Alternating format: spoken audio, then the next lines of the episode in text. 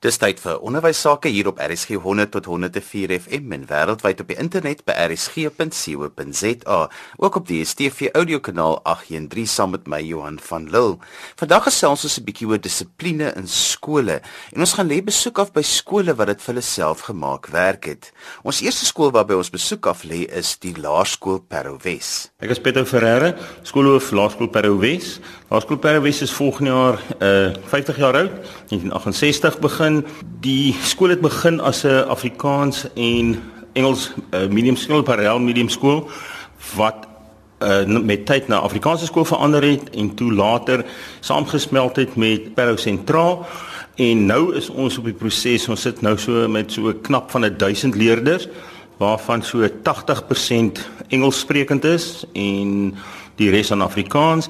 Maar stadig maar seker is ons besig om oor te gaan na na totaal Engels toe. Om oor te gaan na dissipline per se, uh, ek dink dissipline is maar 'n uitdaging in enige omgewing, veral in skole.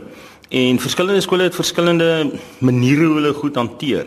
Uh daar's ouens wat waarde uh, uh onderrig toepas, daar's allerlei verskillende tegnieke. Ons het gegaan en gaan kyk na uh essential 55s Dis 'n program wat in uh Amerika, 'n onderwyser in Amerika begin het in 'n skool en ek het toevallige fliek gekyk daaroor en gedink maar hierdie oues onto something as ek die Engels so kan gebruik. Ek verstaan ook die Amerikaners is Amerikaners. Ek bedoel hulle is groot mond en al die goeters. En ek gaan kyk en sien nie maar die man kom by die ghettos uit en ek het sy boek gaan koop en begin lees. In kort. Hy het 'n handboek geskrywe waarin hy 55 reëls het, the essential 55 rules. En daai 55 reëls het hy met sy kinders toegepas. Soveel so dat hy na 'n jaar het hy van 'n skool wat 'n klas wat totaal nie gefunksioneer het nie. Is dit die eerste skool, ek dink hulle is 13, 14 die kinders waar 'n dogter volpunte vir wiskunde en Engels gekry het. Van 'n jaar waar sy geen punte gehad het nie, na jaar. En natuurlik was daar baie onderrig ook plaasgevind, maar die essential 55s. Nou ons het gegaan en stadig maar seker begin om na die beginsels van die uh, eh, 55 te kyk. Ons noem dit sommer die 55s. Ons het so 18, 20 van die 55 gekies en al die personeel moet ek ook sê as die personeel nie inkoop nie kan jy maar vergeet. Die hele personeel het basies ingekoop van graad R af reg deur tot by graad 7. En met tyd het ons deur die ding gegaan. Dan het ons die eerste een wat ons gevat het, uh, is byvoorbeeld maak oogkontak. So as jy met 'n kind praat, groet jy hom, jy kyk vir hom, hy kyk vir jou. Ja, ek weet daar's kulturele uh, verskille uh waar kinders as hy kop afwys, dan wys hy respek. Maar in hierdie geval is ek groet jou, so ek kyk jou in jou oë as ek jou groet, daarna kan jy maar afkyk. Die vo volgende ding wat ons gekyk het is jy moet 'n teenvraag vra. In Engels jy moet reciprocate. As ek vir jou vra, "Hoe gaan dit?" dan vra jy, dan sien jy vir my goed nie. Jy sê vir my, "Nee, dit gaan baie goed. Hoe gaan dit met u?" Hoe hoe was jou dag vandag? Nee, ek het 'n heerlike dag gehad. Ons het dit gekuns gedoen so. En wat het u gedoen vandag? Good morning boys and girls. Good morning, Dr. Ferreira. And how are you this beautiful morning? Fine, thank you and you. I'm very well. Are you going to enjoy your day today? Okay. Have a brilliant day today. Okay. I'll see you again. Thank you very much. Anderswoorde jy ons lei die kind met ander woorde om in 'n gesprek met groot mense of met die met sy maatjies ook te gaan. Dan het ons aangegaan aangaan sê dankie. Dit klink snaaks. As jy vir 'n kind 'n vraestel gee, moet hy dankie sê. Al gee ander kind dit vir hom. Hy moet dankie sê. Hy moet asseblief vra die uh, essential 55s kan nie op hulle eie staan nie. So wat ons ook ingebring is 'n paar verskillende ander dinge ingebring het is om die kind rustig te kry. Dan doen ons die volgende so rondom 8uur elke dag. Die 1 minuut stilte begin nou. Nou, al die kinders waar hy ook al is in die gebou, alle groot mense, alle besoekers moet onmiddellik gaan stil staan waar hulle is, arms vou en doodstil bly. En uh hier's 1000 kinders op die perseel, jy hoor absoluut niks. Doodse stilte. Daarna dan is dit die einde daarvan en nou kan die onderwyser begin met die dag se program. Tyd is vir ons, seker vir my, my onderwysers pes my altyd sê ek is time on task is my tweede naam.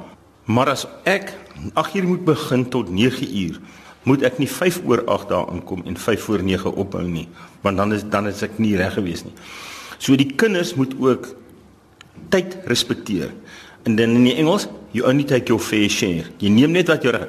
En dit is nie net die toebroodjies en die koeldrank en die, maar dit is ook die tyd wat ek spandeer met die onderwyser. So ek gaan nie vir hom sy tyd mors deur vir hom onnodig vra te vra nie. Ek sal op op my vak gefokus bly of of op die rigting. Ja, daar's tyd vir praatjies ook in altyd. Maar dis dis nou in kort 'n paar van die dinge wat ons nou probeer het. As ek kyk na die uitwerking daarvan, ja, is baie interessant. As ek kyk na waar ons oud leerders draai, waar hulle hoofseuns en onderhoofseuns en prefekte word, waar hulle in die top 10 van die baie baie baie groot skole in Suid-Afrika word. Ons het selfs kinders wat in 'n taalskool gaan en Transvaal skool gaan. Ons het van ons oud leerders wat van al sportgebied op die oomblik in Oorsee is uh en daar hulle eens speel rugby en cricket in Wallis. Met ander woorde, ons kinders presteer. Hiermee saam, dit klink alles nou goed en wel. Jou personeel moet ingekoop wees. Nommer 2, jy moet 'n in pragtige Afrikaans no tolerance, zero tolerance beleid hê. Anderster gaan dit ook nie werk nie. Dit moet konsekwent toegepas word elke dag, elke keer. Nie wanneer jy sleg voel en pas hom toe nie. Elke keer alles deeltyd. Met ander woorde, dit is 'n komprehensiewe ding. Dis nie iets wat jy kan sê towerstaf, okay, gaan dit môre begin en 6 maande later werk dit nie. Dit het ons seker 4, 5 jaar gevat om dit deur te kom en die oomblik toe ons nou deur die stelsel is waar die graad R en graad 7 is, nou kan jy regtig die vrugte daarvan sien. Ons is ek kan nou so die 4de groep wat deur is. Hoe meet ek dit? Ek meet my nooit aan enige ander skool nie. Uh wat 'n ander skool doen is, is sy probleem. Uh dat daar stelsels is wat beter is, dit glo ek. Is daar stelsels wat vrotter is, dit glo ek ook. Maar op hierdie stadium is dit stelsel vir ons wat werk. As kinders op 'n uitstappie gaan en jy kry 'n oproep terug van die uh museum of van die akwarium of van ehm uh, Groot Constantia of van Monkey Town wat sê, "Wow, julle kinders se gedrag, wat doen julle?" Om Dis altyd maklik vir 'n buitepersoon om te kla oor kinders, maar om komplimente te gee. Ek het vanjaar seker so 12, 14 oproepe gekry waar buiteinstansies gekomplementeer het. Dan praat ek nie van kinders wat by uh, as Stedford gaan sing het of by 'n uh, wat wat wat die soms so terloops vir jou gesê is nie. So ja, die, ons is trots op die kinders en ek dink dit gaan goed. Is almal engeltjies? Verseker nie. Ons het ons probleme, as dit ons stout is, ons het ons moeilikes. 5% miskien van die totaal. Ongelukkig spandeer ek meer ek meer tyd aan daai 5% as nie ander 95%, maar Ek dink dit is dit is maar wat dit is. Die een ding waaraan ek dit graag wil meet, reg of verkeerd.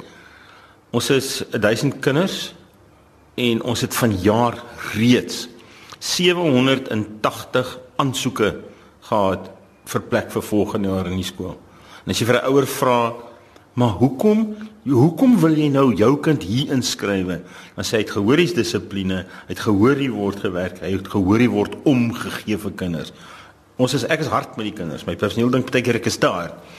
Maar ek is hard moet ek omgee. En van die personeel het nou opgetel. Jy moet ek sê nie onbillik wees nie, maar jy moet nie rigied nie, nie onbillik nie. Elke saak het meriete. Maar dit 780 aansoeke waarvan ons op die meeste 250 kon gehelp het. Die teleurstelling van die ander ouers is daar. Maar miskien is dit deel van die dissipline. Ek ek ek kan ek wil graag dink dink dit is hoe dit is. En so gesels Dr Pedro Ferreira van die Laerskool Parow Wes. Jy luister na RSG 100 tot 104 FM en wêreldwyd op die internet by rsg.co.za, ook op die DStv audiokanaal 813. Die program is ons in die onderwys saam met my Johan van Lille. Ons gesels vandag 'n bietjie oor dissipline in skole en ons gaan kuier by skole om te hoor hoe hulle dit vir hulle self maak werk het. Kom ons gaan loer in by die Laerskool De Hoop in Somerset Wes. Hallo Johan, ek is Aubrey Du Plessis. Ek's 'n onderwyser hier in Laerskool De Hoop. Dis my 10de jaar, so is my voorreg om al 10 jaar hier skool te gee. Ehm um, ons is hier in die in Somerset Wes, ehm um, in hierdie mooi area. So ons aan die een kant het ons Helderberg en aan die ander kant het ons Hollandberge en aan die ander kant die see. So dit is ook fantasties om met die klaskamer se vensters uit te kyk en hierdie pragtige beeld te kry. Soms raak 'n mens bederf dan kom jou gaste en hulle herinner jou net weer opnuut aan die mooi skool waar jy is en dan besef 'n mens, "Sjoe, mens raak so vinnig ondankbaar met dit wat jy het." Maar ja, kom ons spring weg met die onderwerp. Ehm um, 10 jaar gelede het ek hier begin as 'n baie baie jong mannetjie. Ehm um, daarmee sê ek nie dat ek nou oud is nie. Ehm um, maar ek was ek het nog gelyk so skoolkind en ouers het verbygery en ek seker daarvan as hulle my in die straat sien staan het, het hulle ook gedink wat maak hierdie matriekseun dan nou vandag by die skool? Nou die probleem was hierdie matriekseun was 'n gradeerde man wat dan in 'n klas moet gaan staan met kinders wat na hom moet opkyk. So ek was jonk in die onderwys en ek het besef dat ek sal 'n manier moet vind om om leerders te te kry dat hulle dat hulle vir my luister, dat hulle opdragte sal kan uitvoer, dat ons sal kan saamwerk. Ehm um, en en dit is eintlik dan nou 10 jaar gelede waar my hele perspektief van van dissipline heeltemal verander het as die beeld wat ek daarvan gehad het. Nou ek het mooi gaan dink oor die raamwerk van dissipline Ehm um, destyds was dissipline toegepas met miskien strafmetodes of verskillende metodologieë wat gewerk het, maar ek dink dissipline in vandag se lewe het 'n hele skuif gemaak. Ehm um, skuif ten opsigte van waar ons van strafmetodes miskien in verlede gebruik gemaak het, kyk ons vandag na motiveringsvlakke. Nou dit behels baie Ek sê altyd 'n kind is soos 'n blommetjie, hoe meer water jy vir hom gee, hoe mooier kleure gaan hy tentoonstel en jy gaan die beste uit hom uitkry. Nou ons as onderwysers besef deur en deur dat ons sit daagliks met die kosbaarste besittings van ouers in ons klas. So dit stel 'n groot uitdaging aan ons as onderwysers. Nou ek sê altyd respek kan nie afgedwing word nie. Respek moet verdien word. Nou die ander skuif is dan ook dat onderwys nie langer meer gaan oor een rigting kommunikasie nie. Dit gaan oor twee rigting kommunikasie. Hoe meer ek as onderwyser vandag by 'n kind kan leer in 'n klas, hoe beter vir my. Onderwys maak jou ryk op 'n ander gebied. Daarom ook, as jy vandag in die onderwys is, sal jy daar wees omdat jy 'n passie daarvoor het, omdat jy lief is vir kinders vir hulle omgee. So om terug te kom na wat ek gesê het, wil ek graag my kinders so goed leer ken. Ongelukkig het jy net 'n jaar kans in 'n graad, maar hoe beter jy jou kind leer ken en daai daardie leerders se individuele behoeftes kan voldoen en voorsien, hoe meer resultate gaan jy uit daai kind uit kry. Nou daarmee wil ek graag verwys na Maslow se hiërargie van behoeftes wat hy mos opgestel het. Onder andere behoefte tot selfverwesenliking, behoefte tot erkenning, sosiale behoefte. En dit is wat leerders se behoeftes is in die klas. En jy moet daai mate van geïndividualiseerde onderwys kan toepas. En jy moet jou leerders so analiseer dat jy weet hoe om daai kind te bereik. Want as jy 'n leerder bereik en aan sy of haar behoeftes voor voldoen gaan jy resultate verkry want die groot deel van die lewe vir 'n kind gaan oor aanvaarding. 'n Leerder wil welkom voel, 'n leerder wil tuis voel. Soms is 'n onderwyser vir 'n leerder 'n pa, soms speel jy 'n sielkundige rol. Daar is baie rolmodelle waarna leerders kan opkyk, maar na watter tipe rolmodel gaan leerders opkyk? Daarom vra ek heel dikwels vir myself, Wie is ek as 'n leerder na my toe opkyk? Watter voorbeeld stel ek vir 'n leerder wat na my opkyk? Wil 'n leerder na my opkyk? En en dit sit soveel meer druk in vandag se lewe op onderwysers want daar waar jy is, word jy gesien. Ek meen, hoeveel keer as ek strand toe gaan saam met my vrou of ek is in 'n winkelsentrum, is dit die kind se grootste opgewondenheid om vir my te sê, ek het vir meneer in die winkelsentrum gesien. Daarin daar fokus ons ook op dissipline. Want dit wat ek doen is wat die kind gaan dink is goed, ek kan dit doen, ek mag dit doen. Ehm um, so wat ek vir 'n leerder sê, moet ek dan ook leef. Daarom is onderwys 'n leefstyl. Onderwys is nie iets wat ek onder skuilnaam kan doen nie. Dit het 'n leefstyl vir my geraak. In 10 jaar se tyd is ek steeds nie volmaak nie. Het ek soveel om om nog voor te werk. Het ek nog soveel om te leer. Ek leer daagliks by kinders. Elke jaar as ek my kinders groet, dan dink ek, "Sjoe, miskien moes ek jou hierdie jaar anders benader het." Ehm uh, miskien moes ek vir jou daai een glimlag meer gegee het om jou dag te verander wat jy dalk nie by die huis kry nie. Ehm um, miskien moes ek vir jou maar laat gaan het met daai huiswerk wat jy nie voltooi het nie. Ehm um, en dalk nie onmiddellik van jou verwag het om dit klaar te maak nie want dalk was jy omstandighede van so aard dat jy dit nie gisteraand kon klaarmaak nie. So dit is die begrip en empatie waarmee 'n onderwyser moet sit. Maar ek sê weer motivering het die nuwe metodologie van dissipline geraak. om 'n leerder te bereik op sy of haar vlak. Jy sit met 30 plus of party skole minder as dit kinders in 'n klas. Die grootste fout wat jy kan maak is om hierdie leerders almal onder dieselfde kam te skeer want hulle verskil soos dag en nag. En dit is hoekom dit so belangrik is. Um ek weet nie wie almal daar by die huis bekend is met met die Robocop film wat so altyd gewys het. Nou Robocop was mos nou 'n robot wat deur 'n lens gekyk het en dan as hy na 'n individu kyk het al die individu se inligting so verskyn in hierdie monitor in sy kop. Nou ek sê altyd 'n onderwyser moet eintlik sy leerders so goed ken dat as jy die kind sien, moet jy alles van daardie leerder soveel moontlik weet. Sy behoeftes, wat wil jy met hom of haar bereik? Ehm um, tot wat is hulle in staat? En dan heel belangrik in watter stadium van sy of haar emosionele stand verkeer hulle? Want daarbey moet ek ook aanpas wat dit ook nogal uitdagend maak omrede jy net soveel tyd tot jou beskikking het met dit. Maar dit is hoekom ek gesê het dissipline het vir my 'n heeltemal ander perspektief in die lewe oopgemaak. Ehm um, soos ek sê motivering wat ons in die klaskamer gebruik nou is 'n kommunikasiestelsel met jou ouers. Um plakkers, verskillende plakkers waar jy gebruik maak van nou ons ikoon is 'n is 'n dolfyntjie want want ons is mos net maar die hoop dolfyne en en jy kan verskillende kleure en jy eindig by 'n goue plakker. Wat 'n motivering is dit nie vir 'n leier om te werk om daai hele reeks te kry nie. Dan ook jou intervensie, jou jou kontak met ouers. Ek dink destyds was dit ook waar die opvoeder maar op sy eie gefunksioneer het. Vandag raak dit belangrik om juis die ouer betrokkenheid daar te kry. Hoe meer betrokke jy ouers kan kry, hoe meer sukses met die kind. Want jy verstaan die kind ook beter. Wie ken 'n kind beter as sy eie ouers? Jy is ontsaglik lief vir jou kind. Jy weet waar jou kind gaan. 'n Kind raak dalk meer van sy emosies. Hy praat dit meer uit by die huis as met jou as onderwyser ek moet baie keer goed uitvind wat ouers reeds weet.